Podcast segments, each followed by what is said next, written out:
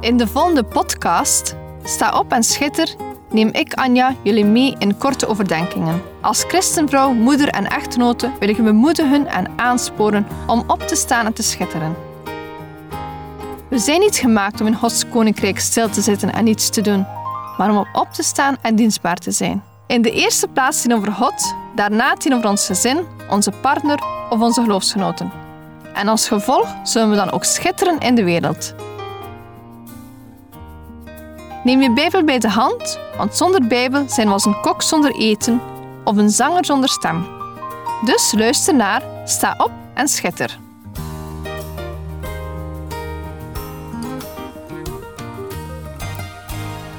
Vandaag neem ik jullie mee op een van mijn boswandelingen. Ik deed op een zaterdagmorgen mijn wandelschoenen aan en vertrok van bij mij thuis. Het was vrij vroeg in de ochtend, waardoor het op straat nog rustig was. Na tien minuten wandelen kwam ik in een prachtig klein bos met hoge bomen, kleine mooie struiken en een vijver. Een bekend plekje waar ik regelmatig naartoe wandel. Ik was aan deze wandeling begonnen om mijn gedachten tot rust te brengen. Ik wilde een pauze nemen na een drukke werkweek. Het was eigenlijk niet alleen om mijn gedachten tot rust te brengen, maar ook mijn gedachten op God te richten. Tijd nemen met mijn hemelse Vader. Ik bewonderde de schoonheid van de natuur, het gezang van de vogels en de geur van het bos. Plots merkte ik wat beweging in een boom. Ja, daar liep een eekhoorn op de stam. Mijn bezoek had hem opgeschrikt en hij verschuilde zich snel voor mij, hoog in die boom. Ik keek verder omhoog en zag de bladeren, de blauwe lucht en de zon die er doorscheen. Ik genoot van Gods schepping, zo prachtig. Ik dacht aan een tekst die ik afgelopen week gelezen had in Jesaja 51, vers 6. Sla je ogen op naar de hemel en aanschouw de aarde beneden, want de hemel zal verdwijnen als rook, de aarde zal verslijten als een kleed, evenzo zullen haar bewoners sterven. Maar mijn heil zal voor eeuwig bestaan. Mijn gerechtigheid zal niet verbroken worden. Met deze tekst in mijn hoofd kreeg ik het gevoel dat God zei: Anja, luister naar mij en kijk om je heen. Alles zal ooit vergaan, maar ik niet. Ik ben je eeuwige God. Je kan op mij vertrouwen. Ik zal er altijd voor jou zijn. Onder mijn voeten hoorde ik het geluid van droge bladeren en dacht terug aan de tekst uit Jesaja. Aanschouw de aarde beneden. Ik zag de boomwortels en moest opletten dat ik er niet over struikelde. Ik vroeg me af wat een beeld ik zou krijgen, moest ik door de aarde kunnen kijken.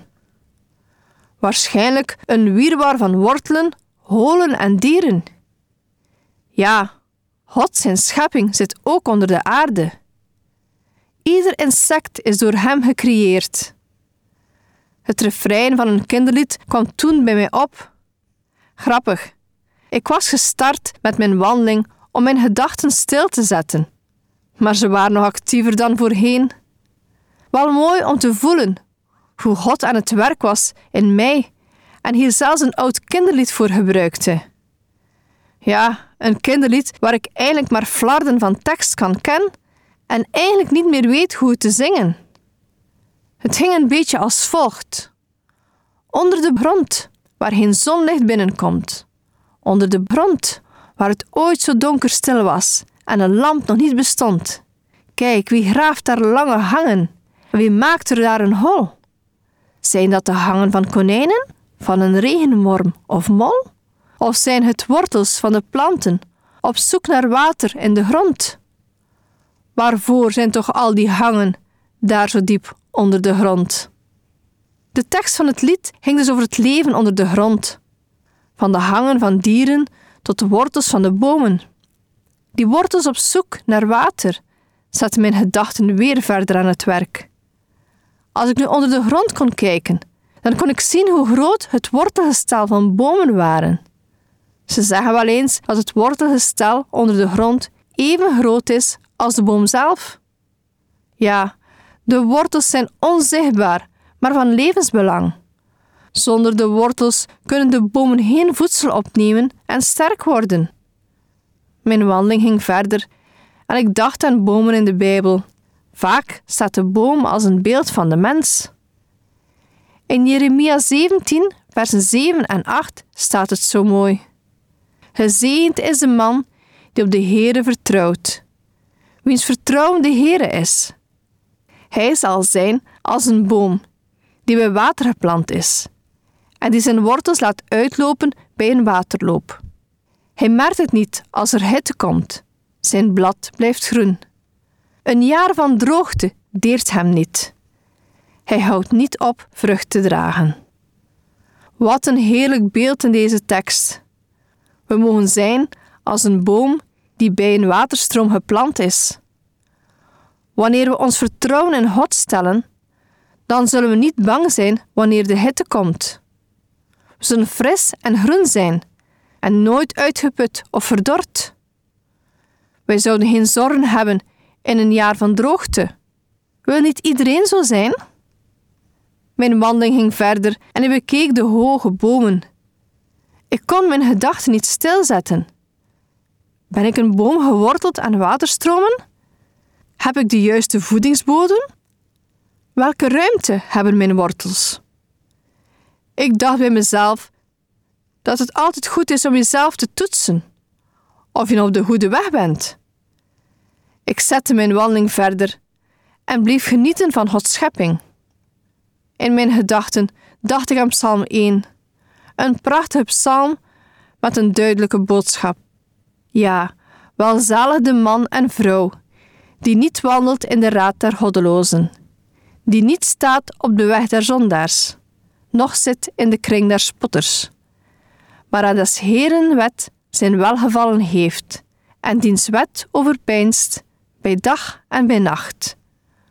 Want hij is als een boom geplant aan waterstromen, die zijn vrucht geeft op tijd, welks loofs niet verwelkt, alles gelukt. Een prachtige psalm, waar ik God voor dankte. Ik was zo dankbaar dat ik deze wandeling maakte. God was zo goed voor mij tijdens die wandeling. De rust in het bos deed me zo'n deugd. Ik was aan het herbronnen en voelde Gods aanwezigheid. Een beetje verder kwam ik een omgehakte boom tegen. Misschien was deze boom ongezond en hebben ze hem daarom omgehakt. Zoals de Bijbel beschrijft in Matthäus 7, vers 19: Iedere boom die geen goede vrucht voorbrengt, wordt omgehakt en in het vuur geworpen. Misschien was dit ook het geval bij deze omgehakte boom, geen vrucht. God is zo duidelijk in zijn woord. Een oproep om vrucht te dragen. Dus aan de vruchten kun je zien dat we christen zijn. We moeten terug naar de bron. En de bron is Jezus. En wil je Jezus echt vinden, dan moet je in verbinding met Hem staan door je Bijbel te lezen en gebed. Ik kwam aan bij de vijver. De eendjes kwamen direct naar me toe en hoopten dat ik brood mee had. Helaas heb ik ze teleurgesteld, want had niets meegenomen. Misschien ook wel goed, want er wordt wel eens gezegd dat brood niet zo goed is voor eendjes. De juiste voeding is zo belangrijk. Zo ook is voeding voor ons belangrijk. Waar voeden wij ons mee in geestelijke zin? Welke muziek beluisteren we? Welk boek lezen we? Of welke film bekijken we? Ik merkte op dat de bomen rond het meer er mooier bij stonden dan de rest. Ze staan dicht bij de bron en hebben door de open ruimte meer zonlicht. Ook wij worden opgedragen bij de bron te blijven en in Gods licht te wandelen. Ja, zonlicht was ook zoiets moois dat God creëerde.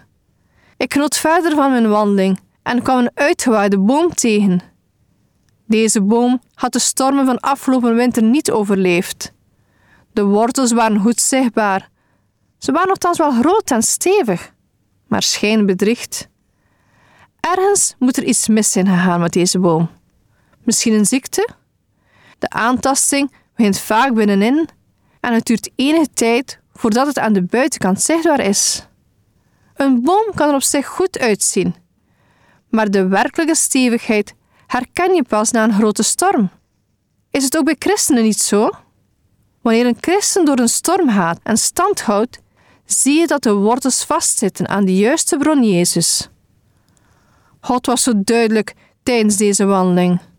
Het is belangrijk om te zijn als een boom geplant aan de bron van Jezus. Mijn wortels in het oog houden en best niet alleen staan. Een boom is sterker in het bos dan alleen in een open vlakte. Ik heb de juiste voeding nodig en in de Bijbel vind ik die terug. Ik geef aan iedere podcast een titel en had deze eerst een wandeling genoemd. Daarna verander ik het naar een boom. Maar nu hij af is, noem ik hem geworteld. Ook een bos is pas mooi wanneer er voldoende goede voeding is, zowel voor de planten als voor de dieren. Ik hoop dat jullie genoten hebben van deze wandeling en dat jullie stevig geworden mogen zijn, dicht bij de bron Jezus. Sta op en schitter als een stevige boom die stormen kan weerstaan. Deze podcast kun je steeds opnieuw beluisteren via de website en app van twr.be. Als je deze aflevering leuk vond en je wilt de podcast helpen ondersteunen, deel hem dan met anderen. Heb je gebed nodig of wil je reageren op deze uitzending? Zend dan gerust een mailtje naar anja.twr.be. Bedankt voor het luisteren.